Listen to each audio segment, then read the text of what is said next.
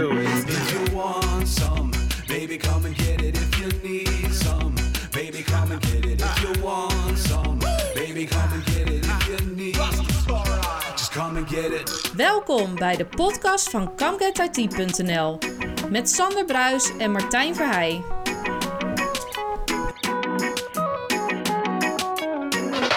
Ja, welkom bij de Come Get IT extra aflevering. eh, Dat is lang geleden, hè? Dat, is- nou, ik heb er even wat feitjes opgezocht, Sander. Zo, Daarover gesproken. daar, ben ik, daar hou ik van. van ja, dat feitjes. zag ik. Wij hebben op 15 oktober 2020 de laatste extra aflevering gemaakt.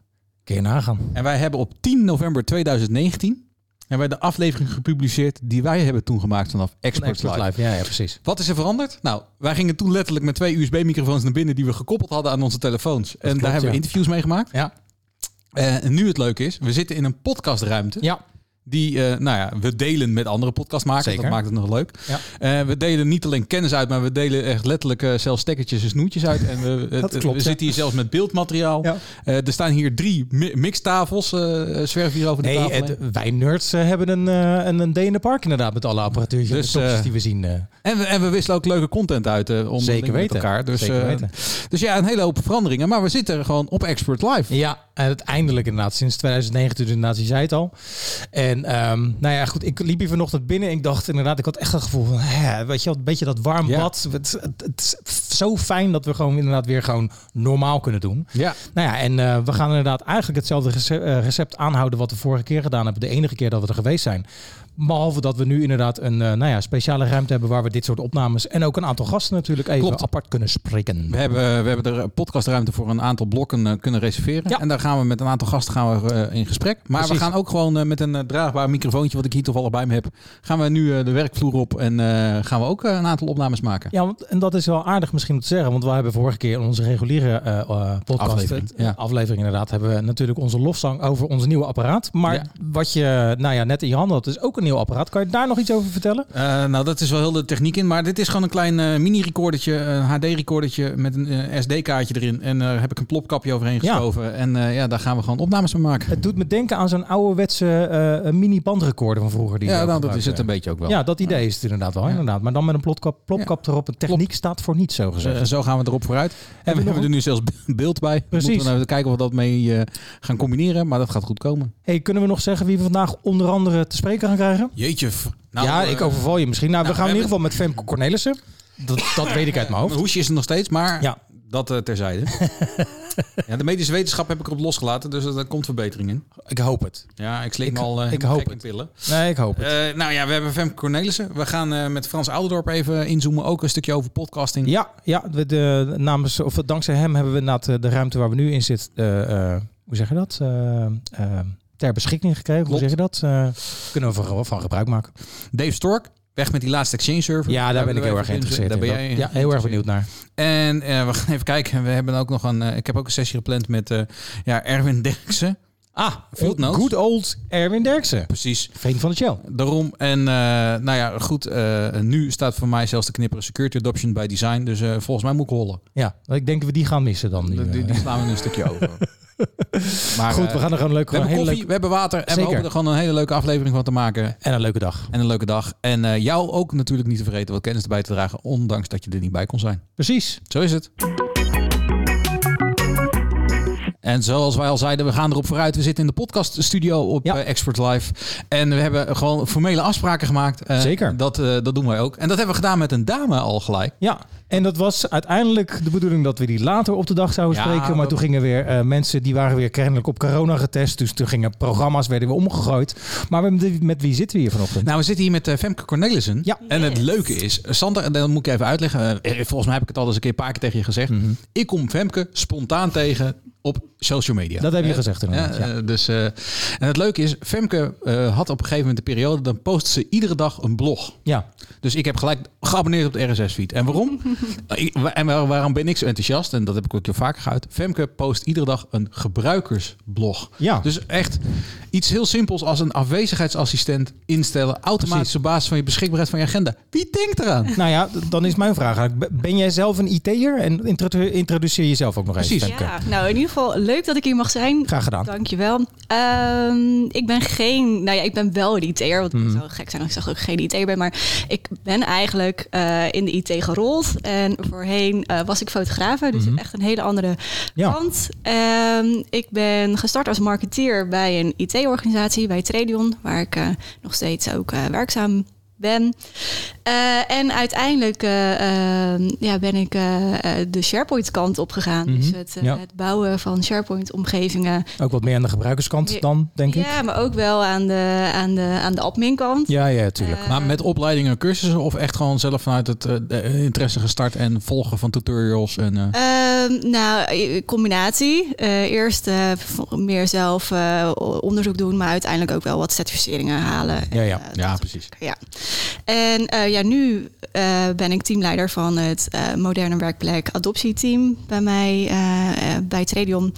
Eh, waar we voornamelijk ook echt wel weer op die gebruikerskant zitten. Ja, En wat wij vooral doen is aan de voorkant dus meedenken van hoe gaat een nieuwe inrichting worden, hoe gaat de gebruiker nou werken en wat voor effect heeft het voor specifiek die gebruiker om uiteindelijk het op de juiste manier technisch in te regelen. Dus Precies. echt weer die gebruikerskant eh, naar voren halen. ja. Laat ik zo stellen, de trigger was dus hè, dat ik die gebruikersaspecten vanuit Femke Ja. de Blos lag. Ik was helemaal eh, geïnspireerd. Ik vond het helemaal fantastisch. Je hebt zelfs MVP-status eh, al behaald. Toch? Of- Nee, nee. Nee, niet? Nou, dan heb ik Niet dat mee. net in mijn voorbereidingen slecht gedaan. Zeg Microsoft, regel het eens even snel. Nou, dat, is, eh, dat is er wel waardig. Ik ze zijn hier vandaag, dus- eh, genomineerd, dus dat is hier misschien. Nou, oké. is in ieder geval... Precies.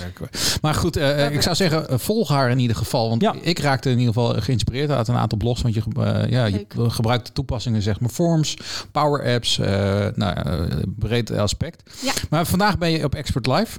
Ja. Eh, je moet je sessie nog geven. Ja, spannend. Maar kun je alvast een, eh, een toelichting geven? Wat ga je ons eh, zometeen al aan kennis overdragen? Ja. Ja, ja, ik ga het hebben over workflows in Teams. Ik vind dat, eh, eh, nou, het zit al een tijdje in Teams, maar dat dat nog echt heel weinig gebruikt wordt. Mhm. Wel weer een beetje vanuit gebruikersperspectief eh, ga ik het inzetten. Dus een combinatie tussen Teams, Power Automate en een stukje toolings eromheen, zoals OneNote en Forms en dat soort dingen. Ja.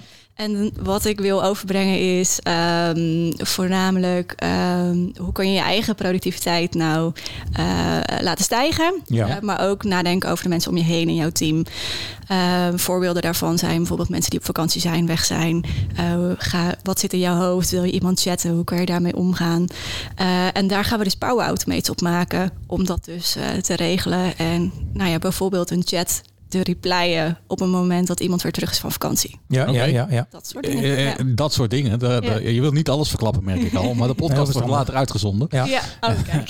Ja, dat zeker. We zijn niet, we zijn niet live op Experts Live, kan ik maar zeggen. En ja, en ik ga ook live demo, dus ik vind het ook wel heel spannend. Dat is natuurlijk altijd een Ja, Zeker, zeker, zeker. Eh, dus eh, ja, we gaan er gewoon eh, volle bak voor en kijken wat het brengt. Nou, waar, waar, waar moet ik dan aan denken? Want eh, je licht het even toe. Op basis van iemand op vakantie is, kun je toch een beetje inzoomen, een beetje uitleggen Ja. wat je dan precies kunt bereiken. En wat dan, het meten van productiviteit is altijd lastiger. Ja, dat vind ik zelf. Ja. Maar Ja, sowieso is het natuurlijk hartstikke belangrijk om eh, met de organisatie met eh, de groepen met wie je samenwerkt, met je team, eh, daarmee af te spreken wat jouw werkwijze is. En wat je natuurlijk ziet in de afgelopen periode, eh, zijn we versneld naar een, ehm, nou ja, naar een gebruik in Ja. teams gegaan. Zeker, Waar ook niet altijd de juiste afspraken onderling gemaakt is. zeker. Wat nou de juiste werkwijze Ja, is. dat klopt zeker. Komt ook dus- door team zelf. Ja. Is mijn persoonlijke mening, maar dat even Ja, terzijde. en wat ik dus zie is dat het dus echt kriskras door elkaar heen gaat in wat de een gebruikt planner, de ander gebruikt eh, eh, losse to-do's eh, met gedeelde groepen, de ander heeft weer een SharePoint list gecreëerd, de Ja. ander, nou, iedereen doet het op zijn eigen manier. Klopt. Wat mij betreft zit er ook een risico aan als mensen uit dienst gaan, Zeker. eh, wat je daar, eh, wat dan jouw werkproces uiteindelijk Ja. is en hoe dat dan vastgelegd is. Dus tip 1 is natuurlijk leg het vast en sp- bespreek dat met elkaar. Eh, en ehm, ja, ik ga hem wel echt op de gebruikersperspectief houden en daarmee ook Power Automate eh, eh, laten zien. Maar er zijn ook ongelooflijk veel templates en dat soort dingen eh, te vinden in Teams zelf, waar men eigenlijk vaak geen weet van heeft en ook al wel snel in het admin center gaat zoeken en daar dingen Ja. gaat bouwen, maar ook heel veel op gebruikersperspectief te vinden is. Ehm, ja, dat ga ik dus laten zien. Maar ga je, je zegt van ik ga benaderen uit de gebruikerskant. Ja. Maar veel dingen moet je ook misschien wel vanuit het admincentrum doen. Ja, ja. zijn natuurlijk gelimiteerd op basis van governance. Ja. Heb je dan, dan heb je uitdagingen, denk ik. Ja, precies. Ja, er zijn daar zeker uitdagingen in. En ehm, ehm, ja, dat is, dat is dus ook wel een boodschap die ik dus ook juist wil overbrengen. Van let op dat jouw gebruikers dus wel allerlei kanten op gaan. En dat er Ja. een werkwijze is. Hoe ga je dat dan beheersbaar houden? En hoe Ja. ga je dat dan ook doen? Ja, Je zegt inderdaad, je, je, benadert, je wil de gebruikerskant benadrukken. Ja. We zitten op Experts Live vandaag, wat natuurlijk, nou ja, de naam zegt het al, een, een, een evenement is eh, eh, toegespitst op experts, in elk experts. Vind je dat de gebruikerskant op dit soort evenementen en ook andere natuurlijk wat onderbelicht is? En ben je het bewust dat, eh, of is het ook wat dat betreft wat je zei, ook ben je daar ook ingerold? Nou, ik, ja, ik, ik vind het natuurlijk hartstikke mooi. Eh, ehm, eh, ik moet ook zeggen, ik ben ook best wel een beetje gespannen, omdat ik weet dat er heel veel technische sessies. Mhm. Neem dan nog een slokje water. Ja, precies. en ik heb natuurlijk echt ook wel op de gebruikerskant waar ook wel een stukje ehm, eh, techniek in zit. Maar dat is het ook wel van ik eh, wel gespannen ben. Dat ik denk, oh ja, leuk, ik heb sowieso een sessie. Ja. Ik hoop dat dat goed overkomt en de juiste insteek is. Ehm, dus ik vind dat er wel te weinig eh, aandacht is voor gebruikers. En hoe dat dan inderdaad ingezet kan worden. Eh, wat je ziet aan bijvoorbeeld ook trainingen Ja. en, eh, en een adoptietraject. En, Precies. Ja. eh, ja, we zouden daar veel meer, eh, meer aandacht aan mogen besteden. Maar ook om de risico's eh, te laten, laten zien aan gebruikers. Van wat, wat gebeurt er nou als ik dit doe? En Ja. Wat als ik er nou ja, in ieder geval werkafspraken over maak met hoe we gaan samenwerken, is al een eerste stap. En een Zeker. scenario erbij, eh, zodat dat vastgelegd wordt. Ja, ga, eh, spontaan te schieten er bij mij geen vragen naar binnen. Ik wil zeggen, springen de tranen in je ogen, maar zover, zover gaat nee, het nee, nee, Zo zover gaat het niet. Zover gaat het niet. Nee, ik denk dat we eh, gewoon dadelijk inderdaad bij eh, Femke's Ja, eh, wij- sessie aanwezig gaan zijn. Inderdaad, en gaan kijken wat jij eh, gaat vertellen over de gebruikerskant. Ja, geen spannende. We gaan geen kritische vragen stellen. nee, dat kunnen, dat kunnen we denk ik niet eens. Althans, niet tijdens de sessie zelf, eh, mag ik Precies. aannemen. N- Nee, niet tijdens de sessie. Nou, ik ga wel iets. eh, iets eh, Interactief doen. Ja, ja de, de, de app die er is vandaag, die, daar ga ik ehm, eh, een test meedoen met een stukje interactie. Aha. Dus ik eh, ben heel benieuwd eh, of het werkt en of Ja. dat allemaal gaat lukken. Nou. Ja. Daar schiet me toch een vraag naar binnen. Hoe meet je nou productiviteit? ja, dat is een hele goede Dat is een vraag. mooie Dat is slotvraag, toch inderdaad. bijna niet, niet te meten. Al moet ik wel zeggen dat er steeds meer meetbare data beschikbaar is in, Ja. het, in het admin center. Zoals bijvoorbeeld eh, het gebruik van, eh, eh, van Office en alles eromheen. Dus ja, wat, wat wij in ieder geval zelf wel doen, of wat ik doe, is wat zijn nou de doelstellingen van een organisatie? Waar willen Ja. we naartoe? Wat vinden ze belangrijk? Nou, een voorbeeld zou kunnen zijn, we willen minder interne mailen, maar we willen bijvoorbeeld meer Ja. chatten, zodat er wel wat, ehm, eh, zodat we bijvoorbeeld nou, onze communicatie sneller gaat lopen Ja. Eh, of op een andere manier vastgelegd is. Ehm, nou, dan zou je kunnen zeggen, hey, daar kunnen we een meetpunt van maken, omdat dat eh nou, interne mail bijvoorbeeld gedaald is en het eh, chatgebruik in Teams bij channels misschien weer gegroeid is. Ja, precies. Maar het is ook het vak- kunnen va- eh, gewoon het meten van tijd eigenlijk in wezen. Ja, ja, Want dat is natuurlijk alles waar productiviteit om draait. Hè? Ja, Efficiënt precies. omgaan met je tijd. ja, daar helemaal mee eens. ja, En wat we dus met de sessie zo meteen gaan doen is, ja, wat doe je dus op een dag? ja. Maar kan ik daar dan, kan ik dat dus op een andere manier? Maar is dat dan om te sturen of is dat dan puur om te coachen? Eh, Snap je wat mij vraagt? Tenminste, hè, je kan eh, productiviteit meten. Ja. Omdat je daar bepaalde resultaten en doelstellingen uit wil halen uit je organisatie. Eh, maar aan de andere kant gebruik je dat als meetmiddel. En met een vingertje gaat wijzen van jij bent die dag niet productief geweest. Of jij bent die dag. Nou, Ja, je gebruik bedoelt- het echt als een coachingmiddel. En je zegt van nou, je hebt nou 15 e-mails gestuurd. Ik noem maar even een Ja, zijstraat. Misschien ga ik te diep hoor. Maar je hebt nu die dag heb je 15 e-mails gestuurd naar collega's. Ja. Had je dat niet via chat kunnen doen? Is dat het coachingmiddel? Nou ja, dat zou je op die manier kunnen doen. En het ligt natuurlijk aan de organisatie zelf hoe belangrijk ze dat vinden. Maar je zou Ja. wel mee kunnen geven van oké, we zien dit. Misschien moeten we daar nog even een keer een communicatiemiddel voor uitdoen. Of moeten we daar een keer iemand in ondersteunen. Dat, eh, dat zou je. Ja, Is dan de scheidingslijn tussen privacy en... eh, eh, eh, tenminste, de scheidingslijn met privacy niet heel dun? Ja, het is natuurlijk afhankelijk. Ik, denk echt dat het per organisatie afhankelijk is van. Je kan natuurlijk ook zeggen, ik wil het in, eh, in een teamverband zien. Of ik wil het over heel de organisatie. Dan moeten we er Ja. misschien gewoon een, eh, een, een volledige eh, communicatie, nieuwsbrief over wijden. Ik noem maar even Ja. wat. En ik wil niet zeggen dat dat dan gelijk helpt. Maar in ieder geval aandacht geven. Wat vind je belangrijk aan zo'n organisatie, in de organisatie? Waar willen we naartoe? Welke stappen willen we daar nemen? En welke middelen heb je ervoor? Ja, en welke middelen hebben we daarvoor? ja, Ja. ja. precies. Nee, ik ben met je eens. Dat, dat zal altijd van en over... productiviteit meten, ja, het blijft lastig. Ik bedoel, eh, ik, als jij voor jezelf in ieder geval kan zeggen, ik doe dit en ik denk dat ik dat misschien op een slimmere manier kan doen, of wat voor mij werkt, dat je eh, ik- een eh, stukje over mijn sessie is, eh, ik, ik ben moeder, ik, eh, Ja. eh, ik ben actief in de community. Ik schrijf eh, veel blogs in mijn avonturen. Ik ben Ja. altijd druk in de weer. Eh, maar ik heb ook veel in mijn hoofd. Waarvan ik soms wel eens denk... hey, ik wil een collega even iets sturen van... heb je dit gezien? Of eh, ehm, er is iets nieuws uitgekomen. Wil je dit eens, wil je dit eens checken?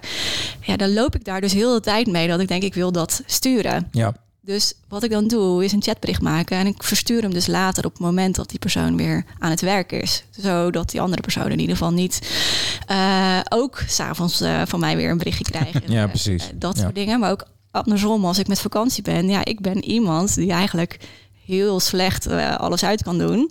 Dat is natuurlijk het beste hè, om te zeggen. Ik Ja, kan alles ja, uitdoen. vakantiemodus ik en- gewoon niet zo. Nee. Dus eh, nou, dan kan ik dus in ieder geval wel gewoon eh, zeggen... ik krijg iets binnen, maar ik maak er een taak van ja, wanneer ik weer aan het werk ben, dat ik dat dan kan doorlopen en ga, ga kijken. ja. Anders dan loop ik over en heb ik, nou ja, misschien wel 30 eh, chatberichten in mijn, in mijn team zitten. Waar ik naar heb gekeken, maar niet meer op nieuw staat. Of nou ja, dat soort dingetjes. eh. Ja, precies. Ja, ja, ja. Ik eh, voel hem aankomen. Ik, moet, ik ben er definitely niet bij, Sander. Eh, Dit gaat helemaal goed komen. En we gaan je Goed zeker uitnodigen in een eh, reguliere podcast. Zeker. Leuk. Want we gaan erop Ja. inzoomen. Heel Leuk. tof dat je er bent. Ja. Ja, bedankt. tot Dat ik straks. mag zijn. Tot straks. Straks. Dan zitten we nog steeds in dezelfde podcastruimte. Ja, zeker. En daar, daar zitten we, als het goed is, een aantal keer vandaag inderdaad. Ja. En die ruimte wordt ons aangeboden door eh, Frans Oudendorp. ja. Goedemorgen. Goedemorgen, Frans. Zet, zet de microfoon iets dichter naar je toe. alsjeblieft. Ja, Ja, Dat zou je hem toch moeten weten. Want, Ja, want ja. introduceer jezelf even, want eh jij eh, doet ook het een en ander met podcasten. Ja, Frans Oudendorp, en, werkzaam voor Wortel op dit moment. Ehm, Op dit moment. Ja, op dit moment nee. Ik ben werkzaam voor Wortel. Mag je eruit knippen. Eh, eh, nee, naast eh, werken in het securitygebied, eh technical lead voor die onderdeel secure binnen Wortel. En verantwoordelijk voor de dienstverlening die we doen, de consultants aansturen en dergelijke. Ja. Eh, maar daarnaast heel actief in de community. En eh, daar doen we eh, onder andere podcast opnemen. Ja. Talking Security, eigen podcast eh, rondom Microsoft Security. After the Hack podcast samen met Wortel. Dat gaat dan vooral over eh, cybersecurity Ja. en eh, laagdrempelig eh, instappen, zodat iedereen dus kan meekrijgen wat dat daadwerkelijk is. Heel goed. Eh, nog, mm, doe nog iets met Workplace Ninjas. Eh, twee weken geleden ook in Lucerne geweest, waar we drie dagen live, eh, livestream hebben Leuk. gedaan. Met Ja. 16 opnames of zo. Dus ja, ook ontzettend leuk. En dan heb ik de laatste, dat is Security Brothers. Dat eh, een nieuw, nieuw initiatief waar ik met eh, Jeroen Jansen en eh, Jeroen Niesen mee, eh, mee ben begonnen. Dus daar gaan we vandaag ook nog een, eh, een mooie opname voor doen. Ja, in En deze ruimte ook. In deze Ja, daar ga ik Ja, vanuit. Maar je bent een bezig baasje in ieder geval. Ja, precies, want je bent ook nog bezig met Microsoft Defender. Ja. Eh, security podcast. Eh, geef je vandaag nog een sprekersessie? Ja. Of, eh? Nee, ik geef geen sprekersessie. Want ik mag nou, deze, deze ruimte faciliteren. Dus jullie helpen en zorgen dat alle spullen in orde zijn. Ja, nou, we helpen elkaar, want ik had, weer, je had weer wat stekkertjes nodig. Ja, uiteindelijk. jullie hebben een ander apparaat dan, dan dat ik heb. Ja. Waardoor je nou, net weer wat andere aansluitingen nodig hebt. Nee, Allemaal ik- gelukt. Ik, doe zelf twee, drie opnames hier. Eentje voor Workplace Ninjas, eentje voor Talking Security. En dan ook nog één voor... Dat is de laatste. Dat is Workplace Ninjas. Leuk. Leuk. En hoe ben je met Express Live in eh, contact gekomen? Hoe is het hier Dat is een lang verhaal. Dat, nou ja, we hebben gaat, de die- tijd. Dat gaat bijna tien jaar terug. Aha. Nou ja, laten we niet de hele alle tien jaar, maar Nee. in een vogelvlucht of in een notendop. Nee, ik heb eh, een heel aantal jaren geleden eh, voor Innovatief gewerkt. Eh, Maarten is de eigenaar van. Ja. Maarten is ooit de initiatiefnemer geweest van Express Live. Ja. Samen met Brenda en Bert. Nou, in die hoedanigheid aangehaakt en als vrijwilliger geholpen bij de opbouw en realisatie. En eh, nou, de laatste jaren vast onderdeel van, van het team. En met name nu audio-video. Ja, want wij hebben bij de laatste... eh, ehm, Expert Live. Ja, ik wil zeggen aflevering, maar de laatste editie van Expert Live inderdaad hebben wij 2019. 2019 inderdaad hebben wij eh, ook onze of een opname gemaakt met inderdaad een aantal sprekers, een aantal gasten hebben we voor de microfoon. Dat was een beetje op de Bonnefoy. Eh, we zijn gewoon naar binnen gegaan en hebben gewoon lukraak, nou ja niet helemaal lukraak, maar in ieder geval mensen een microfoon onder hun neus geduwd. Is dit de eerste keer dat dit concept, als ik het zo moet noemen, waar inderdaad een aparte podcastruimte waar ook dedicated mensen podcast kunnen opnemen, ook geïntroduceerd? Of was dat al? Nee, dat was nog niet. Dit is, dit is, voor, nu- dit is nu voor het eerst. Ja, ja. Kijk, de ideeën spelen natuurlijk al veel langer. Ja, ja, ja. Eh, we we hebben daar samen ook al over gesproken. Ja. Ehm, kijk, het, uit, de- het eerste idee was om op de, op de venue tussen de sponsoren... om daar een tafel te hebben waar je eh, de microfoons hebt staan... waar je kan aansluiten. Zodat het ook lek, net, net onderdeel van het evenement Ja, wordt. ja, ja, ja. Ehm, nee, in verband met hoeveelheid sponsors die we dit jaar hebben, is dat niet helemaal gelukt. Waardoor we in een aparte ruimte zitten. Nou, audio kwalitatief is dat natuurlijk beter. Zeker. Dus Ja. In dat opzicht is er eh, voor beide is er wel wat te zeggen. Ja. Maar eh, we hebben wel weer ideeën en nieuwe ideeën voor eh, de volgende editie. Ja, Ja, precies, telefoonnummers precies. zijn uitgewisseld, dat gaat helemaal goed komen. Ja, Ja, wij gaan daar samen sowieso, maar ook vanuit Experts Live eh, met, met leuke, nou, houd in de gaten eh, voor volgend jaar. eh, Precies. als we mogen, zeg maar, dan eh, gaan we daar weer leuke dingen doen. En als we toch nog eh, een gaatje in je agenda kunnen vinden, kunnen we je dan ook uitnodigen voor gewoon een reguliere en even lekker inzoomen op security en Microsoft Defender? Zeker weten. Gaan we doen. Frans, dankjewel. ja dankjewel Jongens, Frans. jullie dankjewel. En een fijne dag. tot de volgende keer hè. Yes. Yes. Sander, waar staan we nu?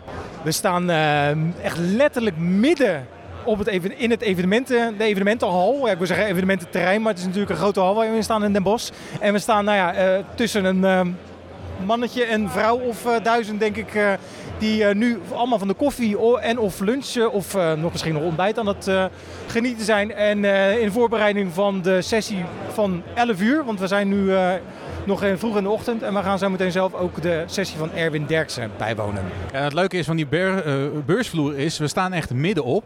Dat houdt in, ze hebben ce- centraal gepositioneerd eh, ja, een, een, vloer. Waarin je koffie, thee, broodjes, alles kan verkrijgen. Eh, omdat je al voor het event betaald hebt, eh, is dat gelukkig kosteloos. En daaromheen staan de sponsoren met allerlei kleine kraampjes en steentjes. En daar staan we nu letterlijk eh, middenin met onze podcastset. En het leuke is, je ziet gelijk al een aantal bekenden. Dus we zoeken nog wat mensen op die we ook nog even voor de microfoon kunnen ja, smijten zometeen. Of beter gezegd, we gooien het microfoontje voor hun gezicht. We zien een paar schermen op de standbeurs staan met oude Windows-versies erop. Maar wat, ik, wat mij wel opvalt, ik zit naar een scherm te kijken. Dit is Windows 98 even uit mijn hoofd te zien. Met Minesweeper. Er staat een VMware-icoontje onderin. VMware Tools. Vet. Maar het is virtuele omgeving. Is dat nou bewust virtueel gemaakt? Omdat je het uniek wil houden? Of, eh? Ja, wel uniek maken, maar ehm, ja, we wilden dit even voor, voor de stand zo eh, opzetten om mensen even de ervaring te geven van hoe het vroeger was. Met, eh, We staan bij de stand van Roxys. En jouw naam is? ik ben Johan Ehm, en eh, ja, wij, wij staan hier op de stand van Experts Live. We hebben ook een sessie gehad van Erik Loef, van onze CTO. Ehm, ja, en voor iedereen die hier langskomt is dit nostalgie. Zelfs eh, mensen die helemaal niks met IT hebben, die weten wel, hey, pinball, daar heb ik vroeger gespeeld. En het grappige is, als je ze voor het toetsenbord ziet staan, dan weten ze allemaal nog de sneltoets om de flippers te bedienen. Dus, eh, Gewoon shift toch? Gewoon eh, shift toch? het zit- Of controle? Dit zijn, het is de Is dat, eh, combinatie naast de shift. Maar volgens mij hangt Windows 98 op dit moment. Eh, het is wel het herkende probleem wat we nu zien. Kijk, ah ja, zie je, zie je. Zie je. Maar dit draait virtueel nu bij jou op je... Ja, op een Surface draait dit eh, virtueel. Oh. Maar wel grappig, want ik moet zeggen, ik heb zelf nog een oude compact Presario laptop waar nog echt Windows 98 Second Edition origineel op staat. Niks meer aan gedaan, ooit geïnstalleerd en daarna. Maar ik zie op het meest linker scherm even op de stand, zie ik volgens mij Windows 3.1. 3, 311. is het. 3.11 zelfs. Ja, zeker. Maar eh, als de schermafdruk of... eh, Nee, nee, nee, kijk maar. Hij, hij is echt gewoon eh, live en kicking. Dus hij doet het gewoon nog. Eh, ook dit is virtueel. Maar eh, ja. Wist je dat er bijvoorbeeld gewoon in 311 gewoon een virusscanner zat? Ja, dat wist ik. Wist je dat, het, wist je dat de audio-kwaliteit als audio, eh, eh, eh, om audiobewerkingen te doen Windows 3.11 het beste was dan Windows 95? Ja, dat wist ik ook niet. Ik, ik wist, wat ik wel wist is dat je een bepaalde upgrade voor 32-bit eh, Windows 3.11 ooit is. Die had ik dan weer niet, maar die had een vriend van me, die had die weer wel. En dan keek ik zo, oeh, shiny. Maar dit wat ik nu zie is natuurlijk wel hetgene, ik ben daar ooit mee begonnen. Dit waren mijn eerste stapjes naast DOS in het eh, Windows landschap. Maar dan ben ik even benieuwd, hè? Eh, kunnen we daar ook een videotekst mee? Of, eh? Eh, nee. Dat was de voorloper van het internet, hè? Dus, eh, nee, Oké, dan, ben ik hier- dan heb ik je leeftijd ook nog een beetje in de... Helaas. Hey, videotekst, ja, ja, ja. ja. Hey, heel tof, leuk dat we even mochten kijken en een blikje mochten werpen. En grappig, ja, het trekt, eh, het trekt ons toch aan. Dus, eh, Ja, logisch. Met alle nou ja, nostalgie schermpjes. Precies, nou, eh, we zijn op de beurs. Vergeet onze badge niet te scannen en eh, wij lopen verder.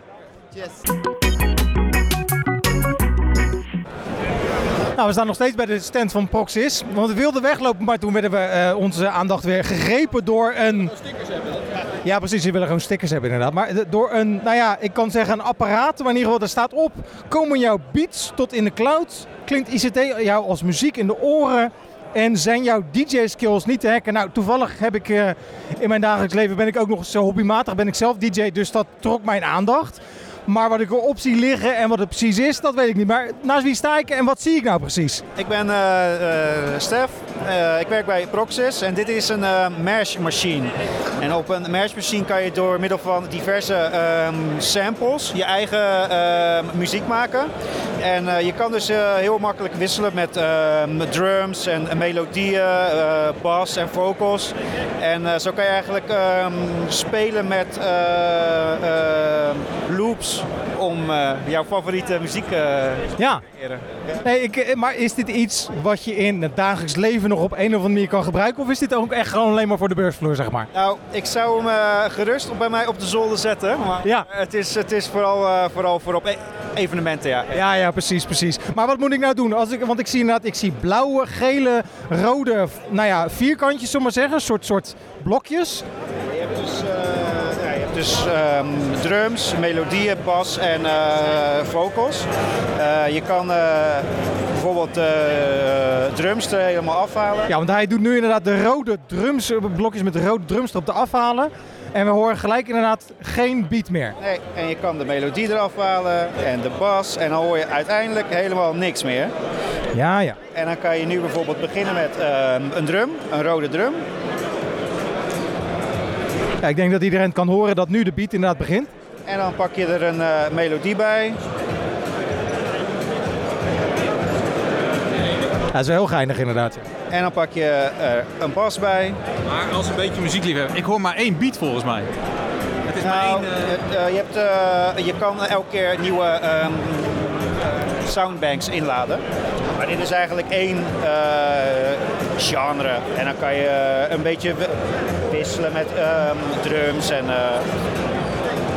Maar wat willen jullie nou mij uitbeelden? Want het is natuurlijk heel erg leuk. En het is zeker voor feestjes is het waarschijnlijk enig om mee te spelen. Maar wat willen jullie mij uitbeelden? nou, dit is gewoon, hard, dit is gewoon ehm, een leuk item voor op onze Ja, precies. eh, stand. Gewoon een, een eye-catcher. Een eye-catcher. eigenlijk een ear-catcher. Een earcatcher, ja, ja, ja. Ja, nee, klopt. Nee, eh, je hebt natuurlijk heel dag leuke, serieuze eh, keynotes heel dag. En eh, dan kan je hier lekker eh, een drankje komen doen en eh, spelen met de muziek. En, eh, ja. Nou, mag ik jij er nog heel veel plezier mee wensen? Dat gaat vast wel lukken. En nog een hele fijne dag. Dank, dankjewel. Hoi. Yes. We staan op de beursvloer bij. Mag ik je naam? Lara? En Lara is energy drinks aan het uitdrinken vertellen. Of vergis ik me dan? Nee, dat klopt. Wij, eh, wij zijn van Liquid. Wij hebben een sessie om 1 uur. Ja, wat gebeurt er dan? Dat mensen vaak inkakken in de, na, de- na de lunch. Dus ja, wat hebben we dan gedaan? We gaan de energy uitdelen. Ja, ik wou net zeggen inderdaad. Moet je inderdaad energy drinks uitdelen omdat mensen nou ja, in gaan kakken. Maar je zegt inderdaad, het is echt wel bewust dus. Ja, nee, het is bewust. We hebben een sessie om 1 uur ehm, in de limousinezaal. Dus ja, dan ga, vaak na zo'n lunch dan hebben toch mensen minder aandacht erbij. Dus ja, dat willen we, ja, we willen dat het energielevel hoog hebben. Ja, het after dinner dipje inderdaad. Dinner dip, maar dan de afterlunch dip, die willen we voorkomen. En waar gaat jullie sessie over vanmiddag? Smart icons. En kan je dat toelichten? Nee. Want je bent zelf geen IT'er? Ik ben zelf geen IT'er. Ik werk nu sinds een maand bij Liquid. Dus eh, op de marketingafdeling. Ehm, ik kom niet uit de IT, ik kom niet uit de marketing. Dus het is eh, helemaal nieuw voor mij. Wij passen het aan je kleding, je wordt ontgroend in deze maand, begrijp ik dan. Nou ja, eigenlijk wel ja. Eigenlijk wel. Mag ik je nog heel veel plezier en succes wensen vandaag? Jo. Dankjewel. Doei. We staan hier eh, op de vloer nog steeds. En naast mij staat Erwin de Kreuk. Hij is eh, spreker vanmiddag. Eh, je moet vanmiddag nog een sessie geven. Waar gaat je sessie over, Erwin? Ik ga het vandaag over Microsoft Purview hebben en wat het voor jou als organisatie kan betekenen. En wat kan dat betekenen? Voor de mensen die het niet hebben meegemaakt, we gaan het vooral over een Microsoft PureView is ontstaan uit twee verschillende producten. We gaan het een stukje over data governance hebben, dus vanuit de datahoek, maar ook vanuit de compliance en de riskhoek. Dus vanuit de, meer de Microsoft 365 eh, eh, kant. En kijken hoe die twee werelden eh, samen kunnen komen. Maar je zegt wat het voor, voor je organisatie kan betekenen. Ehm, ja, dat, moet, dat kan ik me wel voorstellen. Maar technisch is het dan ook een heel complex ding, of niet? Technisch valt het eigenlijk wel mee, want het zijn eigenlijk wel, de, de ene gaat echt vooral over het Microsoft 365 stuk, zit vaak geïntegreerd in de compliance portal. En de data governance zit meer in de data governance portal. Dus er zijn ook echt wel nog twee portals op dit moment eh, binnen Microsoft. En data governance wordt vaak door de datateams vooral opgepakt en de compliance kan door de compliance teams. En als je naar het data governance stuk kijkt, dan hebben we het vooral over hoe kunnen we nou data klassificeren, hoe kunnen we data lineage toepassen. Dus hoe komt iets van een, een bron eh, naar, eh, eh, naar, naar, naar Azure toe of vanuit Amazon. Dat zijn diverse clouds die ge- ge- geconnect kunnen worden. En vanuit de riskkant zie je veel dingen weer terug. En daar hebben ze ook labels, daar hebben ze ook klassificaties. Dus je ziet de integratie steeds beter komen. Nou staan we dus bij de stand van Inspark.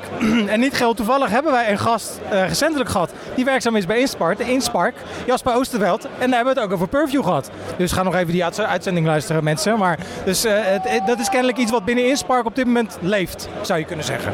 Ja, we, we- kijk, Microsoft Purview is natuurlijk een nieuw product eh, binnen, binnen Microsoft. Nou, binnen Inspark werken we graag met nieuwe producten. En we zorgen er ook voor eh, dat we binnen onze organisatie daar tijd voor vrijmaken. Om met de productteams vanuit Microsoft ook rechtstreeds te kunnen schakelen. Zodat we echt op de hoogte hebben van de allerlaatste nieuwe fu- functionaliteiten. Private previews eh, en dat soort zaken. Dat we, dat we in ieder geval onze klanten op, op de juiste manier kunnen adviseren. Ga er wel mee starten of ga er nog niet mee starten. Want ook je organisatie eh, moet er klaar voor zijn. Ik denk dat dat eh, wel belangrijk is om dat, dat toe te voegen eraan.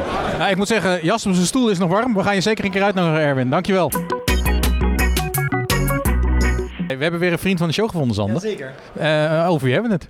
We hebben het hier over Jasper Oosterveld. Niet zo lang geleden voor de tweede keer, als ik het goed heb. Tweede of derde keer bij ons in de podcast geweest. Eh, tweede keer. Tweede keer, maar het is sowieso vriend van de show. Voor de vakantie volgens mij. Voor de vakantie volgens jaar. Ja, ja, ja, voor de vakantie. Het was ergens medio augustus inderdaad. Hey, eh, weer op Expert Live. Eh, weer over de governance, hè? ja, ja, je ontkomt er niet aan, hè? Het blij- blijft een hard topic. ja, ja, en toch elke keer weer mensen die, die, die nieuw zijn en die, die goede tips uithalen. Dus ja, het blijft gewoon een rele- relevant topic. En ja, ik zie er wel genoeg mensen die er echt wel dingen uithalen. Dus dat is leuk. Het blijft altijd een hot topic, denk ik. Want... Dat komt er ook niet aan. Nee, inderdaad, inderdaad. Maar wat heb je vandaag verteld? Want je hebt bij ons natuurlijk inderdaad ook weer een relaas gehouden. Heb, eh, heb je letterlijk één op één hetzelfde verteld vandaag? Of heb je nog andere dingen? Nee, vorige keer hebben we het ook best wel over compliance gehad. Dat, dat was nu wat minder aan bod. Het ging nu inderdaad ook echt de voordelen van governance en hoe je het daarop zet. Dus echt, ik ben door alle onderwerpen heen gelopen zoals wij ze ook behandelen. En dan gewoon tips gegeven en advies en, eh, en ervaringen uit de praktijk gedeeld. En eh, ja, dat is gewoon een beetje de essentie van die sessie. Dus hoe kan ik een eh, governance strategie opzetten? Maar Jasper, je vertelt het verhaal nu zo vaak. Is er inmiddels niet al een Excel-template waar jij al je verzamelde informatie hebt... en waar wij gewoon op GitHub gebruik van kunnen maken? Of, eh? JasperOosterveld.xls zeg maar. Ja, ik denk het wel, maar ik weet niet of mijn werkgever het leuk vindt. Ja, wij gaan hem een beetje zoeken. We gaan hem helpen zeg maar, de Excel-template op te delen. En wie weet in onze Teams-community dat we dat ooit gaan delen. Gaat helemaal goed komen. Hoeveelste keer Express Live is dit voor jou al? Want jij bent volgens mij ook een veteraan inmiddels. Nou, derde keer. Tel dat, tel dat als veteraan of niet? Bijna. Maar medior. medior spreker. Ja, Nou, goed om te horen dat je in ieder geval weer een hoop mensen hebt weten te verrassen. Want dat is dan toch uiteindelijk eindelijk de boodschap die je nog steeds moet overbrengen. En dat het nog steeds nodig is. Eh, Jasper, jij bedankt. Ja, heel erg bedankt. Dankjewel. Volgende keer. En tot de volgende. Het leuke is, de mensen die spreken of van de organisatie zijn, hebben een blauw shirtje aan. En er staat achter op het shirt, tik me. Tap me Tap me. Dus dat, heb- dat hebben we gedaan, bij deze. Eh, ik sta hier bij Peter Sterk. Hoi, ik ben Peter. Peter, eh, er staat op je kaartjes per reker. Heb je al een sessie gehad? Of, eh? Nee, ik mag eh, in de laatste ronde mag praten, half vier. Oké, en waar ga je het over hebben? Ik ga hoe je je bestaande centrale werkplek, bijvoorbeeld VDI, SBC-achtige werkplek, eh, succesvol kunt migreren naar Microsoft 365. Welke volgorde doe je dat? Wat, hoe gebruik je bepaalde technologieën? Om ehm, ja, je, vooral je applicaties natuurlijk die je hebt ehm, goed over te kunnen zetten. Maar dat kennen we toch al. Wat is er speciaal aan, jou, aan jouw ervaring dan? Nou, dat ik, ik denk dat er best wel wat nieuwe inzichten in kunnen komen. Zeker uit mijn ervaring met gesprekken die ik heb met, eh, met, met, eh, met, met organisaties die met dit vraagstuk spelen. denk ik dat er, dat er, er wat oplossingskeuzes in zitten die niet iedereen even goed op het snotje heeft. Want zijn er nog heel veel organisaties die op die, nou ja, laten we zeggen, ouderwetse manier aan het werk zijn? Ja, dat, eh, precies. En, en die worstelen ermee van hoe ga ik dat nou slim doen? En de vraag is heel vaak, hoe, kun je iets van een hybride omgeving bouwen. Of eh, ik heb jarenlang geïnvesteerd in Citrix en eh, moet ik dat nou zomaar uitzetten? Ja, ik ga, ik ga het proberen mensen mee te nemen. Nou, proberen, ik ga ze meenemen. Om te laten zien hoe dat je die twee werelden nou makkelijk bij elkaar kan brengen. En dat je mooi gefaseerd over kan. Klinkt als een goed verhaal. Eh, maar we, we weten toch ook allemaal dat die 32-bit apps, die oude apps die nog in die businessomgevingen zijn, volgens mij zijn dat toch de grootste uitdagingen? Dat zijn, dat zijn de uitdagingen. En die gaan inderdaad, eh, die gaan zeker terugkomen in mijn verhaal. Hoe dat je die kunt ontsluiten. We zijn ontzettend benieuwd. Eh, we waarschijnlijk hebben we een ander programma, maar we gaan je zeker een keer uitnodigen in onze podcast. Ja, super, lijkt me hartstikke leuk. Veel plezier vandaag. Dankjewel. Dankjewel. Eh, naast mij staat eh, Stefan Dingemansen. Ook die heb ik gevonden. Eh, Stefan, jij bent ook op Expert Live. Wat vind je tot op heden van de kennis en de stof die je overgedragen kreeg? Dat is een hele goede vraag, Martijn. Dat is een evaluatiegesprek, hè? nou ja, wat ik, het is sowieso mijn eerste keer Experts Live, moet ik ook heel eerlijk bekennen. Dus voor mij is eigenlijk alles nieuw hier. Maar ik vind het, het is top geregeld. Het is super geregeld. Goede sessies, interessante sessies. Alleen het enige vervelende is dat je niet bij alle sessies kan zijn. Nee, dat klopt. Er wordt heel veel kennis gedeeld en er wordt over heel veel ruimtes verdeeld, maar je kan niet overal bij zijn. Daarvoor brengen wij als platform Conget IT natuurlijk het een en ander naar voren. Dus hopelijk zijn wij op sessies geweest waar jij niet bent geweest, maar... Heb je nog speciale sessies? Ja, er zijn er niet zoveel meer, maar na er een beetje tijd van de dag waar je nu naartoe gaat of niet? Nee, ik denk dat ik voor de rest van de dag eh, gewoon lekker hier blijf staan, eh, een beetje netwerken. Ik ben wel naar twee sessies sowieso geweest. Eh, AVD Performance, super interessant natuurlijk. en Helemaal in jouw straatje ook? Helemaal in mijn straatje en een goede bekende. En ik ben bij de sessie geweest van Sander en Peter. REST API's, PowerShell, Graph API. En dan... Maar je bent niet, niet specifiek op zoek ook naar sessies waar je normaal gesproken niks mee te maken hebt? Nee, nee, nee, nee, want dan word ik weer overweldigend. Dan wil ik weer alles overal ervan weten. Dat, eh, je moet een beetje focussen. Je moet een beetje je eigen onderdelen blijven doen. eh. Een beetje schoenmaker hou je bij je leest, hè? Nee, maar je zegt het is de eerste keer eh, en je, dat, eh, je bent heel enthousiast. In hoeverre eh, voldoet het inderdaad aan je verwachtingen of is het heel anders dan je verwacht had? Hoe, hoe moet ik dat zien? Ehm, ik moet heel eerlijk zeggen, nou, die verwachtingen die heb je niet echt. Want ik ben er nooit geweest, dus ik weet niet wat je kan verwachten. Ik weet dat er aan, de hand van de line-up, dat er gewoon goede sprekers zijn. Sprekers die, die dusdanige kennis hebben en het ook op een goede manier kunnen overbrengen. Eh, ik organiseer zelf ook een aantal evenementen eh, waar ik bij betrokken ben. Dus ik weet hoeveel werk dat erin zit. En ik weet hoe lastig het is om uiteindelijk heel veel mensen bij elkaar te krijgen om dit, om dit te kunnen doen. Dus ja, wat, wat, wat waren mijn verwachtingen? Nou ja, voornamelijk eh, veel mensen ontmoeten, veel bekenden ontmoeten. Ook juist veel nieuwe mensen ontmoeten. En gewoon kennis, sponsen, absorberen. En dat lukt volgens mij wel. Dat lukt zeker, dat lukt zeker. En welke evenementen ben je zelf bij betrokken? Eh, op dit moment ja, nog steeds, de, de AVD-community eh, waar we mee bezig zijn. Eh, AVD Techfest. Verschillende usergroups. Azure Thursday ook. Waar, wij, eh, waar we verschillende evenementen organiseren. Eh, voornamelijk nu weer fysieke evenementen gelukkig, hè, in person. Dus niet meer van achter de zolderkamer, eh, maar gewoon echt real life mensen, mensen zien en horen. Had ook wel wat. Had ook wel wat, maar je merkte op een gegeven moment ook wel dat, dat mensen er ook wel een beetje klaar mee waren. Weet je, het, het is heel makkelijk, hè, want je, je kon best wel veel sessies ook meekrijgen. Ook al hè, was het niet ingebed, werd opgenomen. Nu word je wel een beetje geforceerd om ook daadwerkelijk tijd te maken om naar zulke soort evenementen toe te gaan. Dus dat, eh, ja, dat zijn onder andere evenementen waar ik, eh, waar ik zelf bij ben betrokken. Het is sowieso een drukke maand volgens mij hè, met evenementen. Het is een gekkenhuis inderdaad. Ik geloof dat er deze week in de Exports Live Week al drie evenementen waren. Duku geloof ik. Even uit mijn hoofd. eh, eh, help me even. Ja, volgens mij, ik wou net zeggen, de, de Duzig ben ik eh, woensdag geweest. eh, ja, dat was, dat was er volgens mij gisteren ook. Waren er één of twee ook eh, een, een, een EG? eh, nee, wat was het nou? Ja, Ik zag Johan, Johan van Amersfoort hè, bij ons ook een keer in de podcast geweest. Die was in, dat is dan wel in Zwitserland, maar die was ook in. eh, de, dus er zijn inderdaad overal in binnen- en buitenland op dit moment eh, gelukkig weer evenementen. En ook in november trekt het ook weer aan. Hè? Zijn we ook weer op pad. Dus, eh en Stefan, dankjewel voor je tijd. Wij staan eh, bij een tafeltje, Sander. Eh, Dutch Woman in Tech. Women. Dank je, daar is hij weer. Dutch Women in Tech. Ja, precies. Ja, maar, hey, dames, wat, eh, ja, dames, hè, dat zegt het eigenlijk al. Waarvoor staan we hier? Nou ja, je zegt het eigenlijk al. Ja, wij staan hier echt voor de, voor de vrouwen in de, in de ICT. Wij vinden het belangrijk dat eh, ja, dat, dat aantal eigenlijk eh, groeit. We denken dat diversiteit ook belangrijk is. En dat is eigenlijk voor ons een reden geweest om dit, dit te starten. Nou sta, ga ik een hele kritische vraag stellen. Dan ga ik een hele kritische vraag. Waarom sta je hier te werven en niet op school? Of op scholen? Dat is ook eh, het plan voor ons. Eh, maar we willen onze com- community uitbreiden. Om zo ook de vrouwen die hier staan eh, in contact te brengen. En hen ook naar de scholen te kunnen brengen. Dus dat is het idee. Maar we hebben toch heel veel initiatieven die proberen dames in die theebranche te krijgen. Wat maakt jullie zo uniek dan? Ik denk dat het laagdrempelig is om je aan te melden. Je kan erbij zijn wanneer je erbij wil zijn. Ehm, en je hebt de echte ruimte om met iedereen in gesprek te gaan.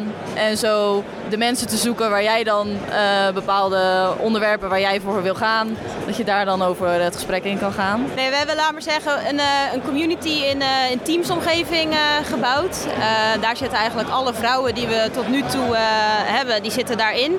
Ehm, en we proberen los van het stukje IT, proberen we ook een beetje op de soft skills te zitten. En ook gewoon in gesprek te gaan van waar loop je nou tegenaan, waar zouden we van kunnen leren. Ehm, en dan organiseren we dus ook live events en die zitten dan veel meer op de soft skills. En de online events, ja, die, ja, die focussen eigenlijk meer op de echte inhoud. Dus echt meer de ja, ICT, de technische kant. Ja, maar dat was het dus eigenlijk mijn vervolgvraag. Je moet lid worden om dus eh, bij de community aan te sluiten. Maar zijn er speciale eisen? Denk ik niet, behalve dat je niet theebranche zit. Eh, nee, er zitten eigenlijk geen, eh, geen speciale eisen verder aan. En eh, wat zei je als laatst, behalve dat je in de... Behalve dat je niet theebranche Ehm, ja, of daar dus in zit, of eh, die kant op zou willen bewegen. Ja, dus inderdaad, of voor schoolverlaters, of mensen die zich zouden willen omscholen. eh, dat we die juist in contact kunnen brengen met vrouwen die al in de IT zitten. Of, eh, en hoe zij dat dan hebben ervaren, wat hun ja, leerpad was. Zodat je dus op die manier kennis kan delen. Maar als ik om me heen kijk, ik zou dan zeggen, ik zie, ik wil niet vervelend doen, maar ik zie natuurlijk alleen maar een hoop mannen. Dus probeer je nou de promotie via mannen op gang te krijgen? Nee, maar dat denk ik ook. Ik denk ook zeker dat je elkaar nodig hebt. Dus het gaat niet zozeer om dat we alleen maar meer vrouwen willen en, eh, en minder mannen. Ik denk juist dat het een soort combinatie moet zijn. Kijk, bij de sessies zelf, eh, als we die promoten, eh, online, via LinkedIn of een website, noem het maar op. Dan geven we wel altijd aan van ja, iedereen is welkom om deel te nemen. Dus het is niet zo dat het echt puur en alleen maar ja, voor de vrouw is. Maar we willen wel in de community zelf wel zoveel mogelijk vrouwen hebben. Ehm, en dat je op die manier eigenlijk eh gelijkgestemd of in ieder geval dezelfde soort ervaringen een beetje met elkaar kan delen. Ja, we naderen een beetje het einde van de dag. En het leuke is, wij hebben nog eh, een laatste ja, paar minuten eh, mogen wij gebruik maken van de podcastruimte. Ja. En eh, dat betekent dat wij in de loop van de middag allerlei sprekers hebben verzameld. En waaronder ja, een welbekende uit de, uit de show, Jan Bakker. Ja, voor de tweede keer dus nu. Dus bij deze vriend van de show. Vriend van de show. Ja. Van- van- vriend van... Jan, jij hebt vanmiddag, eerder vanmiddag een presentatie gegeven. Niet alleen, maar wel samen met iemand. Klopt, met eh, Pim Jacobs. Met Pim Jacobs. Hey, en waar ging jullie presentatie over? Ja, die presentatie ging over identity governance. En hoe je dat eh, goed inricht. En daarbij hebben we eigenlijk je eh, nieuwe features laten zien binnen identity governance. Namelijk lifecycle workflows. En daarmee kun je je hele joiner, mover, leaver proces automatiseren binnen Active Directory en Azure Active Directory. Dat is denk ik een hele hoop vraag naar. Yes, en dat eh, merkten we ook vanuit het publiek. eh, vragen over hè, hoe, eh, hoe doet het precies. En ja, er spelen natuurlijk heel veel dingen. de, je begint bijvoorbeeld bij, bij HR. Ja. Source of truth. Daar Klopt. moet alles beginnen. Precies, en ja. daar moet ook alles wijzigen. Ja. Want je wil zo weinig mogelijk handmatig doen, want daar krijg je problemen mee. Dus zeker. En dit is echt brand new. Drie weekjes oud, is pas ge- gereleased. Twee dan. En Microsoft heeft het niet echt wereldkundig gemaakt, want ze willen waarschijnlijk iets bewaren voor hun grote evenement. Ja, ja. Wij hebben alvast een beetje het gras voor de voeten weggemaaid. En eh, ja, superleuk om mee te stoeien. Het mooie vind ik dat het extensible is naar Logic apps. Dus eh, er zitten standaard templatejes in van eh, ik wil een user toevoegen aan een groepje. Of bij een, in een leave proces, ik wil iemand licenties ontnemen of juist vanuit het groepje halen. Maar je kan dus ook een custom extension instellen en dan een Logic app aftrappen. Waarbij je eigenlijk ja, de sky the limit is. Ja. Van alles kan doen. Dus ik had in mijn sessie ook een demo gemaakt. Ja, er gooit er een stuiver in. Ik, eh, ik ga Ja, ja, ja. Ja, nee, ga door, Ik ga had door. eh, tijdens mijn sessie dan ook een demo gemaakt. Waarbij ik dus een Logic app heb gemaakt. Die een temporary access pass aanmaakt voor de nieuwe hire. En die per e-mail verstuurt en een sms'je erachteraan doet. Nou, Dus eigenlijk wat je in het verleden allemaal scripten met eh, allerlei tooling of third-party platformen eromheen, is nu gewoon een add-on service. Wat, wat is dat een vinkje wat ik aan kan zetten als is, organisatie? Het, is een, het is onderdeel van Identity Governance. Dat is een P2 feature. Dus een eh, premium feature binnen Azure Active Directory. En daar zit gewoon een module in, Lifecycle Workflows. Die is gewoon stiekem ingeslopen. Die is er nu in preview, ja.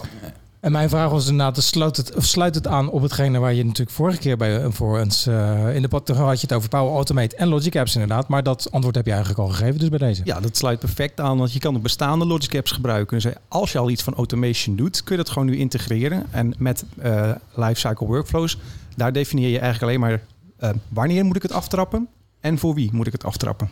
En kun je dat ook koppelen dan aan bestaande HR-systemen? Dat is dan even natuurlijk de kunst. Hè? Want wij maken allemaal verbindingen met HR-systemen. Dat willen we toch als een leidend bronsysteem pakken. Precies, ja. Kunnen we die koppelingen maken? Er zi- zijn eh, twee eh, HR-pakketten die dat nu al kunnen, native. En eh, ik vermoed dat op termijn meer en meer HR-pakketten dat ook gaan ondersteunen.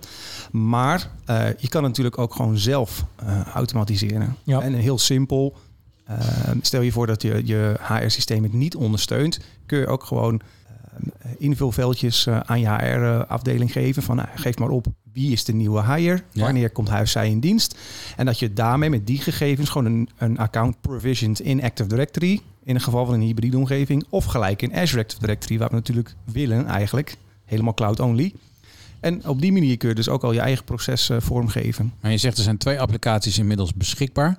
Maar is er geen REST API tegenaan waarbij je eigenlijk zeg maar heel common breed al applicaties tegenaan kan laten praten zeg maar vanuit een HR-principe? Of? Uiteraard. Kijk, je hebt natuurlijk de Graph API vanuit Microsoft. Dus Ja, je, kan, precies, ja. daarom zei ik al, je kan het zelf ook scripten. Ja. bedoel ik dus. Je kan zelf je scriptjes maken die tegen die API aanpraten. En gewoon het proces voor je automatiseren. Het is dus echt nog drie weken zeg maar in eh, public preview.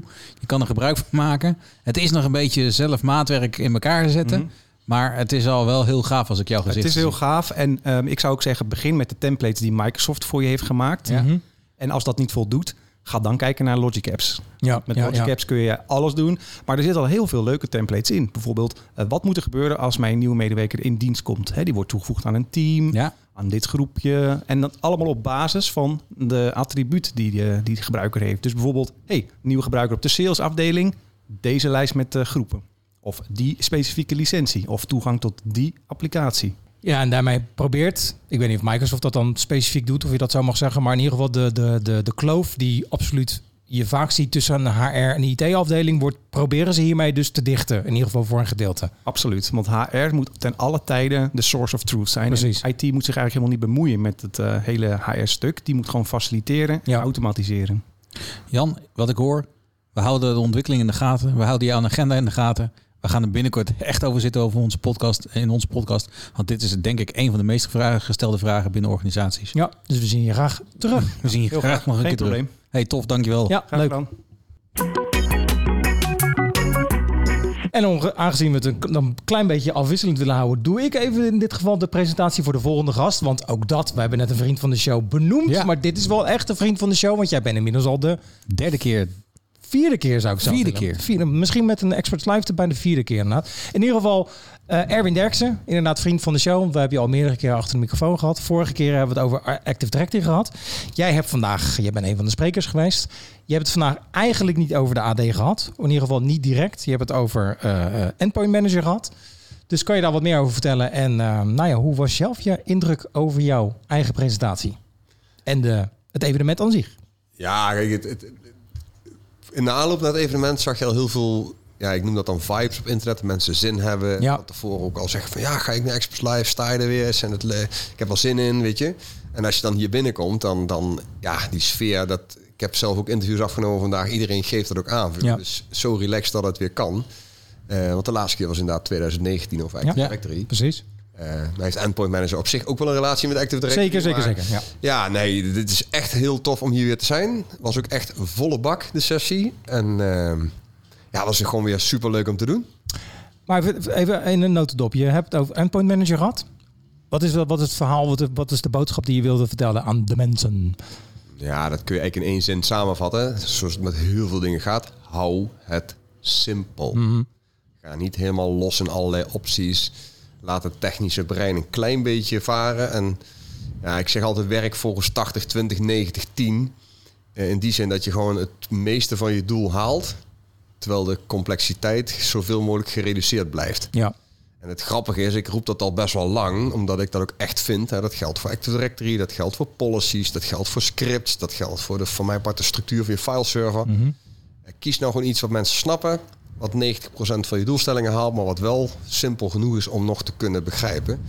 En je ziet nu dat diverse sprekers dat ook aangeven. Bijvoorbeeld voor Azure Networking had ik net iemand in de keynote wordt het benoemd dat security beter wordt op het moment dat de omgeving wat eenvoudiger is. Zeker. Ja. Eh, ik maak zelf graag de vergelijking met het eh, Keizer Karelplein in Nijmegen. Hè. Dat, is, dat is een verkeersplein dat lijkt chaos. Is in werkelijkheid heel simpel, waardoor afwijkingen direct opvallen. Voor de luisteraars, dat, we hebben het plaatje zien. Een hele grote rotonde in Nijmegen, als ik het goed heb. Ja, dat is eigenlijk een soort arena. Hè. Dat is voor sommige mensen reden om niet met de auto naar Nijmegen te gaan. Eh, er zijn geen regels, er is geen beleiding. Er zijn op het plein zelf ook geen stoplichten. En de straten van rechts, die worden wel gedoseerd met stoplichten. Die gaan random op groen. Dus die komen in één keer binnenvallen. En eh, iedereen redt zich er maar mee, zeg Ja, ja, ja. Eh, er is alleen één hele simpele regel. Dat is je wil naar je bestemming zonder schade. Ja, precies. Nou, iedereen snapt dat die regel er is. Eh, en wat je dus ook ziet is de Nijmegenaren, die hebben natuurlijk gewoon hun eigen werkwijze. Namelijk vol gas, zo snel mogelijk die rotonde over. De Nijmegen naar een wandelen er toch overheen? Of? Ja, dat is, Bij tijd dat en is, dat is één dag per ja, jaar. zeg maar. Dat ja, is de, ja, de, ja. vrij- de vrijdag de Via Gladiola. Nou, die, weinig ongelukken ver- ver- vermoed ik. Maar Ja, nou sowieso op die rotonde zie je heel weinig ongelukken als je kijkt naar de verkeersdichtheid. En dat komt omdat het gewoon heel simpel is. En eh, de Nijmegenaren detecteren natuurlijk ook feilloos de niet-Nijmegenaren, want Ja. die gedragen zich anders. Ja. En dat valt direct op en dus houden ze daar ook rekening mee. Ja. En dat, dat geldt min of meer voor security ook. Kijk, als je het super complex maakt, wat ik helaas bij heel veel klanten zie, en je stelt een firewallbeheerder een simpele vraag, hè, bijvoorbeeld hoeveel verkeer gaat er naar 365 en neemt dat toe bijvoorbeeld, als je Mhm. het migreren bent, ja, dan hebben ze daar vaak geen antwoord op. nee. Omdat het zo waanzinnig complex is, dat ze er gewoon zelf niet meer uitkomen. Dus op het moment dat iemand dan kwaad wil, ja, dan is de kans heel groot dat je dat ongezien kunt doen. Ja. Ik zeg altijd van, als je een, een ethical hacker bent, je wilt een bedrijfspand binnen. Ja, als het alles bij het normale is, dan kom je niet zomaar binnen. Precies. Hè, Maar is er een bedrijfsfeest waar iedereen een biertje op heeft, dat de achterdeur open staat en de toegangsbeveiliging even uitstaat en dat dat onhandig is voor de catering, dan kun je wel makkelijker naar binnen zonder Zeker. opvalt. maar. Ja. En die parallel is denk ik prima te trekken. Ja. Maar dan doen we toch een beetje maatwerk naast. Dan kunnen we toch een beetje naar eigen smaak inrichten. Oh, je gaat gelijk op mijn favoriete topic in, maatwerk. nou ja, goed, dat is precies de, precies de reden waarom je maatwerk niet wil. Kijk, eh, ik heb dat in die sessie over Endpoint Manager ook gezegd. Kijk, op het moment dat je maatwerk maakt, dan moet je daar dus bij elke upgrade, bij elke update, bij elke change, moet je daar stil bij staan. Als ik kijk naar Azure AD Connect, die heb ik als voorbeeld genoemd, eh, daar kun je heel veel aan customizen. Nou, ik raad klanten absoluut af om dat te doen. Eh, omdat je gewoon bij elke upgrade, bij elke change die Microsoft doorvoert, moet jij je weer afvragen van ja, maar hoe pakt dat dan weer bij ons uit? Ja. Nou, dat uitzicht natuurlijk in lange testtrajecten, in dat dingen gedubbelcheckt moeten worden. Hoe dan ook gaat de innovatie daardoor langzamer. En de risico op, op verstoring is natuurlijk veel groter. Ja. Dus ik adviseer dat van als je nou met die cloud aan de gang gaat, zorg dat het eerst in orde is. Ja, bijvoorbeeld de UPN gelijk aan het mailadres, hè, dat is een klassieker. Ja. Ja, dan zijn er toch klanten die dat niet hebben en daar dan toch omheen willen werken. Ik zeg, ja, dat kun je natuurlijk doen. Technisch is dat mogelijk. Eh, alleen je bezorgt je gewoon de komende jaren gewoon ontzettend veel ellende. Ja. En ja, daarom ben ik groot voorstander van eenvoud. Vooral ook, ik zie dat in Endpoint Manager heel mooi terug. Als je het simpel houdt, is dat product domweg heel stabiel. En heb je gewoon heel weinig te doen aan werkplekbeheer. Ja. Maar sommige instellingen binnen Intune, die kan je bijna op drie, vier verschillende plekken doen. Hoe hou je het dan simpel? Ja, nou gelukkig heeft Microsoft eh, sinds kort, ehm, dan moet ik het even goed zeggen. Ehm, nou goed, in ieder geval, je hebt in Intune twee manieren Ja. om instellingen te doen. Dus met templates, dat zijn we de oude Ja. manier. En dan krijg je heel snel meerdere policies met meerdere settings. En dan kun je inderdaad dingen op meerdere plekken doen. Eh, het nieuwe model is meer eh, Session Catalog, zo heet die. Dat werkt meer als group policy. Ja, ja, ja. En ik adviseer eigenlijk alles om zoveel mogelijk in die session catalog te doen. Ehm, het punt is een beetje dat Microsoft verschillende ingangen heeft gecreëerd om hetzelfde te doen. Dus Dat doen ze wel vaker. al. ja, dat is niet Ja. ongebruikelijk. Ja. Kijk, BitLocker bijvoorbeeld, dat kun je instellen als security baseline. Dat kun je instellen als ehm, eh, endpoint eh, protection policy. Ja, ja, ja. Eh, daar zit nog een los onderdeel BitLocker waar je dat kunt instellen.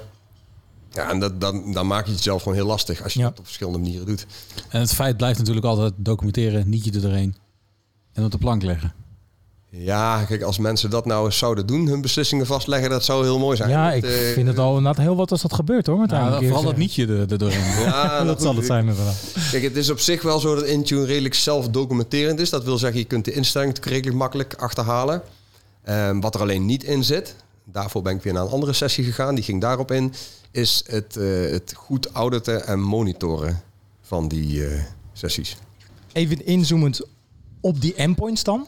Eh, je was heel stellig in het feit, en dat viel me op, dat jij... Je gaf aan dat jonge mensen accepteren de gesloten werkplek niet meer. En dan gaf je aan dat ze willen Netflixen en an- allemaal andere dingen. Die je dus kennelijk als niet-local admin kan installeren. Maar weet je zeker dat mensen, de jonge mensen daar bijvoorbeeld... Want ik hou uit je woorden dat ze dus dan ook bepaalde bepaald eh, soort banen niet willen. Of niet op, bij, bij, bepaalde bedrijven zouden willen werken. Is het zo st- sterk aangezet wat jou betreft? Ja, het hangt natuurlijk een beetje van de branche af. Hè. Mhm. Als jij Ja, ja. in een ziekenhuis werkt en je hebt toegang nodig tot EPD... eh, ja, dan wil je dat EPD in een gecontroleerde, strak gemanagede omgeving draaien. Bijvoorbeeld een Citrix desktop of een virtual desktop. Ja, ja. Eh, ook omdat de leverancier dat gewoon vereist. En omdat je dat ook voor de zorg ook gewoon wil. Eh, maar in gewoon bijvoorbeeld een normale kantoorbaan... of een commerciële baan of wat dan ook... Jongeren zijn gewoon gewend om te kunnen werken op het device... wat op dat moment het beste aansluit. Ja. Dus dat kan een iPad zijn, kan een telefoon zijn, kan een laptop zijn. En de tijden van een totaal gelokte corporate desktop... waar je verder niks privé op kunt doen... ja, dat, dat wordt niet meer geaccepteerd, is mijn beleving. Nee, Dus maar- ja, goed, als, als we zo moeten werken, waarom moet ik in zo'n rigide stramien? Dat, dat, dat is helemaal niet meer van nu, zeg. Nee, ik hoor wel wat je zegt, maar ik, ik vraag me af inderdaad hoe ver dat het mensen echt eh, nou ja, eh, afwindt inderdaad, om ergens te gaan werken. Maar is dat dan ook niet gelijk het spanningsveld tussen, nou ja, wat vroeger in altijd zo was, dat er gezegd werd, ja, maar het is helemaal niet de bedoeling dat je privé dingen op je laptop doet, omdat het ook bijvoorbeeld een beveiligingsrisico met zich meebrengt. Ja, dat kan zijn. Maar goed, inmiddels zijn met Windows 10, Windows 11 zover dat je prima, zeg maar, bijvoorbeeld een Spotify of een Netflix of een Zoom gewoon kunt installeren zonder dat dat nou direct het systeem beschadigt. En dat was natuurlijk tien jaar geleden anders. Ja. Want waarom bestaat er een lockdown desktop? Omdat mensen dingen stuk maakten. Ja. En dus de continuïteit niet gegarandeerd kan worden. Ja. Nou, ik vind zelf vanaf eigenlijk al vanaf Windows 7 dat die stabiliteit gewoon goed is. En dat mensen niet zomaar door iets te installeren iets om zeep kunnen helpen. Althans, Nee. En eigenlijk past het ook gewoon in het moderne werken van versus thuiswerken versus kantoorwerken. Thuis lekker muziekje opzetten. Ja, zet dan die Spotify-app gewoon lekker op je, op je, Ja, precies. systeem. En eh, je maakt er het bedrijf niet kapot mee, bij wijze van spreken. Nou ja, en als je ook kijkt naar compatibility. Ik bedoel, het is nog niet zo heel lang geleden dat je echt bepaalde sites per se in Internet Explorer moest openen. Ja, ja. Of dat een Word-document uit Office openen op een Mac, dat dat gewoon een, een, een onmogelijke opgave was. En je ziet dat dat nu eigenlijk, ja, op wat details na, gewoon eigenlijk seamless werkt. Klopt. Duidelijk. Duidelijk. Eh, Erwin, je kan vast en zeker nog veel meer vertellen. Ik denk dat we daar vast en zeker nog wel een keer in je drukke agenda een gaatje proberen voor te zoeken. Dan ga je gewoon weer uitnodigen binnenkort. Gewoon weer eens een keer uitnodigen. Ja, het is wel lang geleden Ja. dat eh, je bij ons in de studio bent geweest. En we gaan misschien eens kijken of we die rotonde in Nijmegen kunnen proberen. Dat is... Misschien gaan we daar dan uh, gaan we daar dan. Ja, precies. Tip, minimaal 50 per uur en gaan. Ja, ik, het, is het gewoon het, het, het Nijmeegse Champs-Élysées? Moet ik het een beetje zo zien?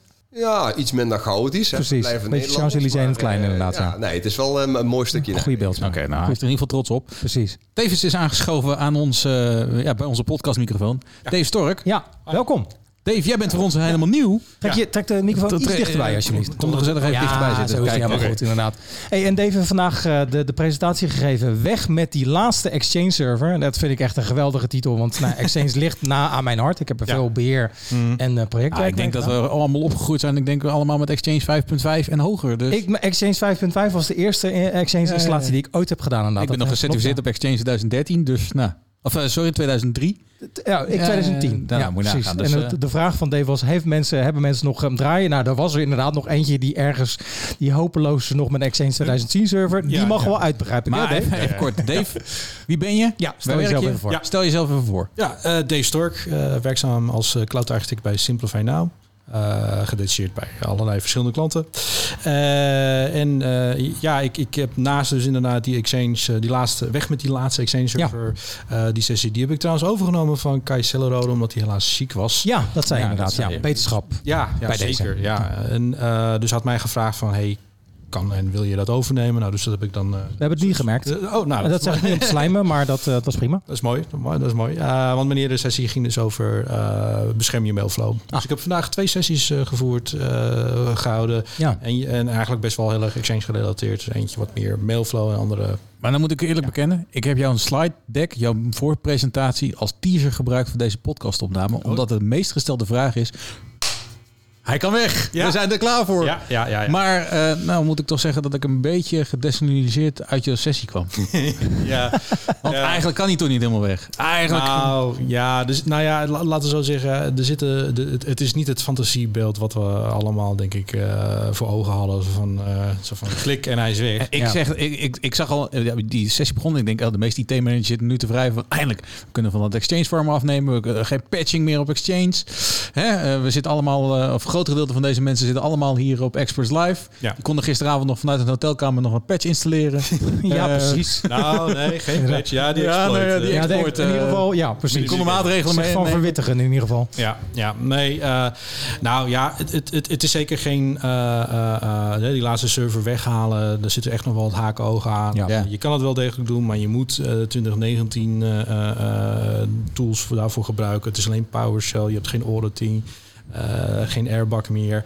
Eh, maar ja, je hebt die server niet meer nodig. En je hoeft hem ook niet meer in de te updaten. Of eh, het is geen attack service meer. Nee. Ehm, dus dat, dat is dan wel weer de voordeel. Want we moesten in het verleden altijd nog een Exchange server on-premise houden voor je hybride situatie. Omdat Nou ja, omdat de start of authority, zoals Microsoft netjes noemt, is je on-premises Active Directory. Dus als jij iets wil wijzigen aan een mailbox, ook al zit die mailbox in de cloud en is de gebruiker gesynchroniseerd, dan moet je die mailadres in je on-prem Active Directory toevoegen. Ja. En de enige ondersteunende manier, benadruk ondersteunde manier, Ja. ehm, is was dus- via ATS Edit. Is, SMTP, dubbele punt, kleine letters, was het toch? Of SMTP, hoofdletters, dat, dubbele dat punt? Is, maar, eh, dat, is de, dat is de het werkt wel eh ja, op de methode. Maar, adres. Ja. ja, maar de, de enige ondersteunende manier is dus inderdaad met een Exchange server met, met PowerShell en de, de management tools daarvan te gebruiken. Alleen dat betekende dus ook dat je gewoon een, een, een, een- een volledige Exchange server moest draaien. Ook al zat Ja. er geen enkele mailbox op. Klopt. Je, je moest toch die resources daarvoor eh, hebben. En dus ook ja, eh, patchen. En, eh, en zeker als je full hybrid, en dan moet je eigenlijk N, N min 1 aanhouden. Nou ja, je zit met je support van, van 2013, wat volgend jaar april verloopt. Dus Ja. dat is alweer een goede planning. En nou ja, en eh, ja, eigenlijk, ja, het is niet ideaal wat nu uiteindelijk is. Het, ja, je kan, je hebt nog steeds, zolang je die directe synchronisatie hebt. Eh, en met die oplossing om je laatste Exchange server weg te halen. Ja, je, hebt, je, moet met PowerShell iets doen. Er is geen graphic user interface, dus moet je dat aanleren. Je hebt geen auditing. Ja, dat, Eigenlijk moet je dat, dat heel lang aanleren. Vind ik wel. En eh, toevallig eh, werk ik ook samen met een andere Exchange MVP met practicalpowershell.com. Even pluggen op, Ja. Heel goed. op Heel goed. PowerShell. Goed. eh, Ja, prima, prima. ja, om, om met PowerShell een beetje leren om te gaan. Dus, maar ja, het, het, het, het heeft wel een leercurve. En, Maar waarom zou je eigenlijk nog op de command line even platweg gezegd voor de simpele en eenvoudige beheertaken het nog in je on-premise omgeving doen? En waarom doe je dat niet vanuit de cloud? Nou ja, dat, dat kan je dus... eh, zolang Want daar heb je Air- role-based access wel in wezen. Ja, maar zolang je dus die directe synchronisatie hebt, eh, dan moet je eh, on-prem die objecten aanpassen. Hè, voor, voor- voor- van een object wat er gewijzigd is. Dus dan moet je on-prem dingen doen.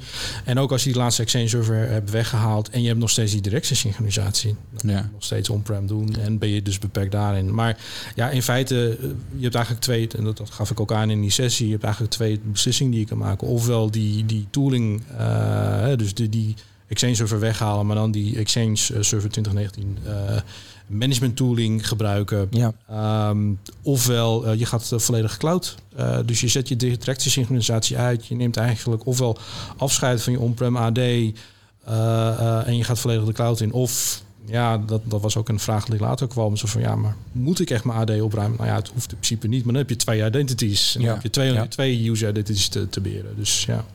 Maar volgens mij heb ik je ook horen zeggen dat een van de moeilijkheden voor het eh, uitzetten van die laatste Exchange server, en Erwin Derksen zit hier ook nog steeds, eh, daar hebben we het vaak over, daar, of, eh, we hebben het met jou over Active Directory gehad. Daar was ook de vraag wanneer wordt die eens een keer afgeschaft. Ik hoor jullie allebei zeggen dat legacy, legacy applicatie, maar legacy in zijn algemeen, dat nog steeds verhindert. Dan hoef, je, hè, daar hoef je geen ja of nee op te zeggen, maar wanneer komen we daar nou eens een keertje vanaf? Gaan wij dat nog meemaken? Ja, gaan wij dat, want dat hoor ik nu echt al tien jaar, minimaal. Eh, ja, dat hangt af van of er bijvoorbeeld nog een fabrikant is die ondersteuning geeft op die legacy-applicatie. Ja. En, en ja, daar. Maar kennelijk zijn die er dus. Nou, ik heb ook omgevingen zijn, ben ik tegengekomen waar de, waarbij bijvoorbeeld de fabrikant gewoon failliet is. Ja, ja, ja, Maar precies, ja, maar het is nog wel een business eh, Ja. critical application. Ja, ja. Dan kan je ook afvragen of dan de aanbesteding of wat het ook is. Helemaal eens, inderdaad. Maar, toch. Eh, eh, ja, je moet daar wel iets mee. Eh, maar dat is sowieso, dat geef ik ook aan eh, bij, bij, eh, bij klanten als advies eh, als we bezig zijn met eh, Exchange Hybrid of gewoon überhaupt met Microsoft 365 met elektrische synchronisatie. Om eh, in plaats van ehm, eh, de, de, de, de, de, de focus te leggen op alle, allerlei koppelingen maken met je on-prem Active Directory. Om al, al nu al te gaan plannen van stop alles. Alle authenticatie met Azure AD. Ja. En, en voornamelijk ook met, met eh, eh, aankoopbeslissingen. Dat je dat al als, Meeneemt. als functionele eis of technische eis meeneemt. Zo van ja, het moet, het moet kunnen werken met Azure AD, SSO. En als het het niet is, dan kom je niet eens. Nee, precies. Nodigen we je niet eens uit. Het is een sterfhuisconstructie ten opzichte van de legacy applicaties. En het inderdaad gewoon, gewoon langzaam uit laten sterven. In die zin wel. En ik zie, ik zie hier en daar wel degelijk dat, dat eh, SaaS-leveranciers of, of andere leveranciers die eh, een paar jaar geleden nog iets hadden van, van ik heb echt wel eens een keertje gehad, zo van eh, moest ik zelfs uitleggen wat secure pop was. Want we gingen naar Exchange Online toe. Ja. Hè, dan moest iets uitlezen. En dat was echt van secure pop. Oké. Goedemiddag. Eh, ja, eh, kunnen, kan je dat niet gaan maken? Nou ja, en, eh, maar je ziet, ik zie nu wel een aantal keren, eh, soms dat ik zelfs al verbaasd ben van, oh wacht even, ze hebben in plaats van dat ze, hè, dat is een ander dingetje wat uitgezet wordt, is de, de basic authentication in Ja. Ja, ja. Hè. Morgen, vanaf morgen. 1 oktober. Ja, 1 oktober inderdaad. Inderdaad, gelukkig. Ja, Wees er op tijd bij. Anders heb je je volgende Ik heb mijn bak met popcorn al klaargezet overigens. ik, eh, ik zet mijn telefoon even uit. Gelijk heb je. Maar eh, ik was gelukkig een tijdje terug al eh, prettig verrast dat een, een, een, een SaaS-applicatie die iets met mailing deed en eh, eh, die deed op dat moment nog basic authentication. Ja. En wij waren heel erg druk bezig met die organisatie om eh, zelfs helemaal passwordless te gaan. En dat was opeens zo van, ja, wacht even. Precies. En toen bleek dus dat ze ergens, eh, ja, ja, we ergens een verborgen vinkje wat we zelf nog moesten aanzetten. En dan ja. doe je, doe je OAuth authenticatie. En toen dacht je van, oh, oké. Ja, Het begint nu eindelijk dat men realiseert van het is onvermijdelijk. En ja, als je ook kijkt naar, naar eh, alle, alle, alle ehm, eh, incidenten, security incidenten. En dan blijkt dan eh, Uber bijvoorbeeld. Van, nou ja, Ja. dat, dat was dan specifiek dan dat, dat eh, eh, gebruikers werden gehammerd door, een eh, MFA-authenticatie. Ja, ja, ja. En dat soort zaken. Maar die hadden tenminste MFA. Maar er zijn nog genoeg eh, organisaties die nog geen MFA hebben. Maar er is in ieder geval dus wel een stip aan de horizon eh, wat dat betreft. Toch? Het, het, eh, nou ja, ik, ik, ik denk dat de, eh, deels ook door wetgeving, doordat de Ja, ja. datalek-wetgeving in Nederland en Europa en, en, en, en eh, überhaupt ook negatieve eh, eh, eh, media- Reclame. Ja, precies. Ja, ja, ja, reclame. precies. dat, ja, dat geeft toch wel aan dat, dat, dat het, er is veel meer bewustwording, Ja, merk ik. imago-schade is natuurlijk inderdaad zeker voor de markt inderdaad gewoon bepalend. In je presentatie kwam, eh eh, legde je in stappen uit hoe je die Exchange server dan kan ontmantelen. Ja. En een van de, eh, toevallig stelde mijn, Sander, mijn collega Sander de vraag in de zaal, maar nu stellen we Zeker. hem nog een keer. We hebben allemaal geleerd in onze Microsoft-examens en Ja. eh, die we hebben moeten doen. Als je een Exchange server deinstalleert uit je organisatie, moet je hem eh, eh, ja, deinstalleren. Als Ja. je de nieuwe... Jij zegt heel duidelijk in je presentatie, geen deinstallatie. Nee. Ja, ja, knipperend, onderstreept. de- de- bol- dik gedrukt. Ja, ja, ja, ja. ja. Waarom mogen wij dat uit, nu niet meer doen? ik vond formateren vond ik ook een hele goede Ja. inderdaad. Nou, eh, eh, de reden is, is dat in Active Directory moet de Exchange Organization blijven bestaan. Wil je die objecten nog kunnen, kunnen beheren. En als jij die setup draait, wordt dat netjes uit Active Directory verwijderd. Maar dat heb je nog wel nodig. Ja. Dus, dus dat is eigenlijk de reden. In zekere zin, eh, wat ik al eerder zei, het is niet helemaal wa- wat we. eh, het, is, eh, het, is, het verdient misschien niet zozeer een schoonheidsprijs wat ze, wat ze ervan hebben gemaakt. Eh, ik had liever gezien dat je een optie had tijdens de ding-install. hè, Ja, dat je- precies. dat je beschermd werd in die zin. Uh, maar ja, Are dat, you really want to sure to delete the full exchange really- ja, Really sure? Wil je, wil je naar de, de, de, de, de Exchange Management Tool only mode? Ja, precies. Ja, ja, precies. dat zou mooi zijn. Maar eh, ja, weet je, eh, de Exchange heeft, de Exchange Groep heeft eh, de afgelopen 1 à 2 jaar echt ongelooflijk veel echt ernstige eh, exploits. eh, Ja. Nou, gisteren weer. Zeker. Ehm, en en eh, het is overduidelijk gebleken dat, dat die laatste server gewoon een, eh, een, een ri- beveiligingsrisico is. Dus dan is dit het beter. Ja, eigenlijk is het gewoon gebouwd door Microsoft om de vraag vanuit de klanten, zeg maar, hè, de eindgebruikers, eh, te kunnen bedienen. Dat mensen toch zeggen, ja, maar waarom moet ik nou echt nog die ene server? Hij doet niks meer. Hij Ja. staat alleen maar aan. Ja. Staat primair wat rolletjes te- eigenlijk te doen. Maar feitelijk gezien, ik moet hem beheren, ik moet hem patchen, ik moet er alles op doen. Ja, ja, ja. Maar ik heb hem eigenlijk niet meer nodig. Het, het, ja, op een gegeven moment is, eh, nou ja, waar we net al over hebben, imagoschade. Nou, Ja, nu, ja. nu begon het op een gegeven moment imagoschade voor Microsoft te worden. Dat ook al, en dat moet ik wel benadrukken, is dat heel veel organisaties die hadden eh, bijvoorbeeld die laatste Exchange server, ook al had het geen eh, mailbox meer, hadden ze nog wel gepubliceerd naar internet. En nog met Autodiscover. Ja, of ja, precies. mail dat soort zaken. Hadden hem niet gehardend of geüpdate. Dat soort Ja, zaken. ja. Maar ja, in feite heeft nu Microsoft gezegd van ja, oké, we moeten dat dus, die situaties moeten we nu gewoon daar een mogelijkheid voor bieden. Niet vertrouwen op dat beheerders eh, en het updateproces bijvoorbeeld is al vaak een uitdaging voor, eh, voor beheerders. Eh, dus ja, hebben ze toch maar besloten om dit te doen. Initieel hadden ze veel meer gedacht dat ze met een soort van bidirectionele Mm. synchronisatie zouden gaan werken. Dat hebben ze geloof ik al in 2017 aangekondigd van dat komt eraan. En dat was echt ieder, ieder jaar bij TechEd en Ignite was het zo van... En heb je daar wat over te melden? Nee. nee We gaan weer naar huis. Nee. Ja, Ja, ja. en, en het, het schijnt eh, heel erg lastig te zijn. En ja, dan, dan is... Ik, ik denk dat dat ook eh, eh, nog steeds een probleem is voor ze. Ja, dan is dit beter dan niks, in, in zekere zin. Ja, Conclu- ik zou toch hopen dat ze zeg maar, op een gegeven moment een... Ik heb gemigreerd naar 365-modus. Ja, zoiets. Ja. want dat ligt toch redelijk voor de hand. Want net wat je zegt, iedereen heeft daar last van dat die server nog draait en legacy spul. Ja, maar eigenlijk eh, in jouw geval met Intune, SCCM draait ook nog steeds, hè? Ja, maar ook wat, wat Dave ook al zei, kijk, die legacy draait natuurlijk met een reden. Ja. Sommige dingen zijn nou eenmaal niet zo snel uit te faseren en dat hoeft ook helemaal niet, want het kan prima werken. Aan de andere kant zie je voor het onderwijs, ik ben nu ook weer met scholen bezig, die zijn al massaal overgestapt. Ja, ja. En ik heb ook wel echt al een aantal klanten die zeggen, ja, eh, laten we die legacy, eh, laatste legacy gewoon omzetten naar een cloudproduct. Want dan zijn we van heel veel componenten af. Ja. Ja. Zeker als een bedrijf wat kleiner is. Ik heb bijvoorbeeld 150 werkplekken. Ja, die willen geen Active Directory meer met allemaal member servers en Nee. file server. Die zeggen, joh, zet dat maar over. En we doen dat nu bij scholen ook. File server weg, lokale applicatieservers weg. Dan gaat het naar de cloud. Als het dan nog heel specifiek is, misschien nog op Citrix. Ja, en dan kun je gewoon cloud-only gaan. Nou, en voor de werkplek is dat fantastisch. Want de volgende stap is, en die ervaring hebben we ook... als die werkplek alleen nog maar internet nodig heeft... dan kan het netwerk op je kantoor ook een heel stuk simpeler... en dus een heel stuk veiliger. Zeker weten. Hey, eh, eh, eh, concluderend is eigenlijk één vraag die ik je moet stellen. Ja. Wanneer heb jij je laatste Exchange server uitgezet? In je thuissituatie hoef je niet uit te leggen, maar... Nee, mag, nou, mag je lapomgeving. Mocht je er echt inderdaad eh, dat, dat naar zoeken. nog. eh, oh, dat, dat- eh, Lang geleden. Het, het, eh, ja, ik ben voornamelijk bezig geweest met transities. eh, en april 2022 is pas die mogelijkheid gekomen Ja, ja, om ja, uit te ja, zetten. oké. Dus eh, eh, geen idee. Geen idee. Komen we op terug. Komen we op terug. Hey, eh, ik vind het wel grappig, want je had het over security. Ik wilde dan nog één ding uithalen. En die heb ik vanmorgen gefotografeerd tijdens de opening keynote. En dat vond ik wel een hele interessante. We are no longer securing computers. We are secure the society.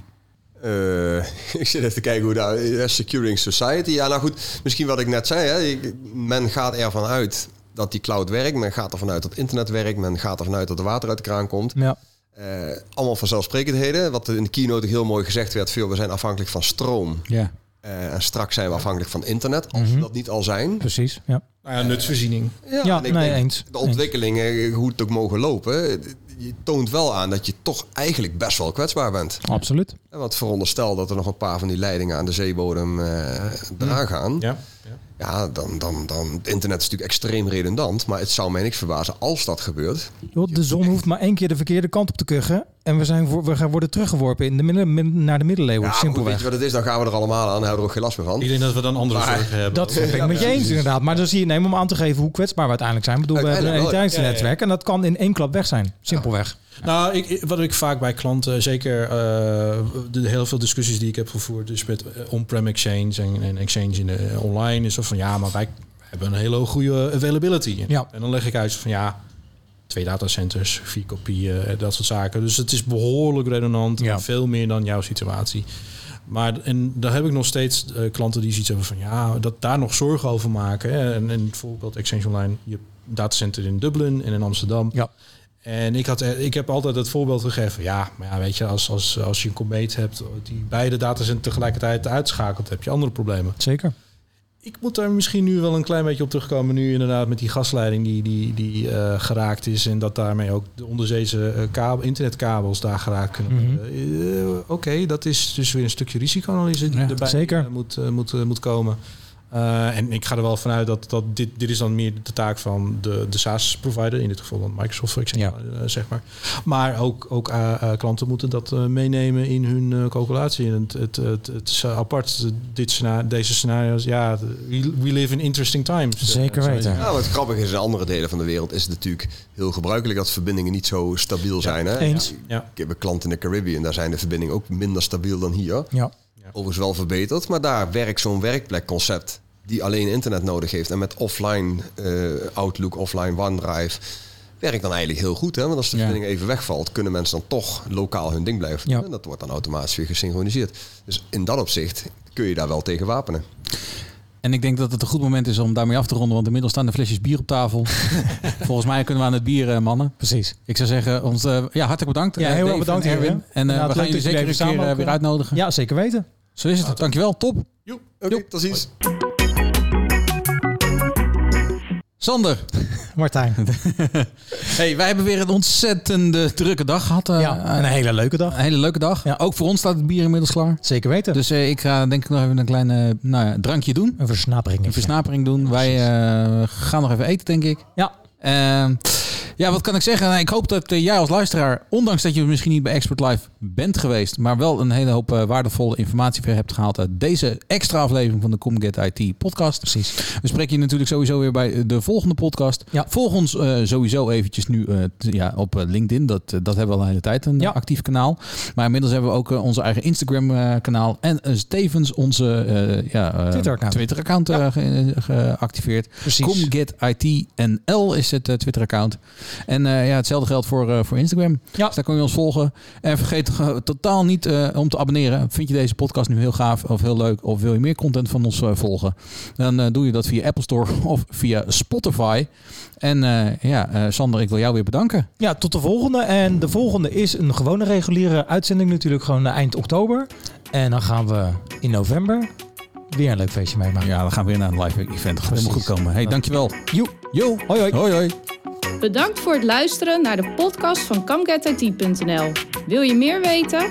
Heb je vragen, suggesties of opmerkingen? Bezoek dan onze website www.camgetit.nl. If you want some, baby, come and get it. If you need some, baby, come and get it. If you want some, baby, come and get it. If you need,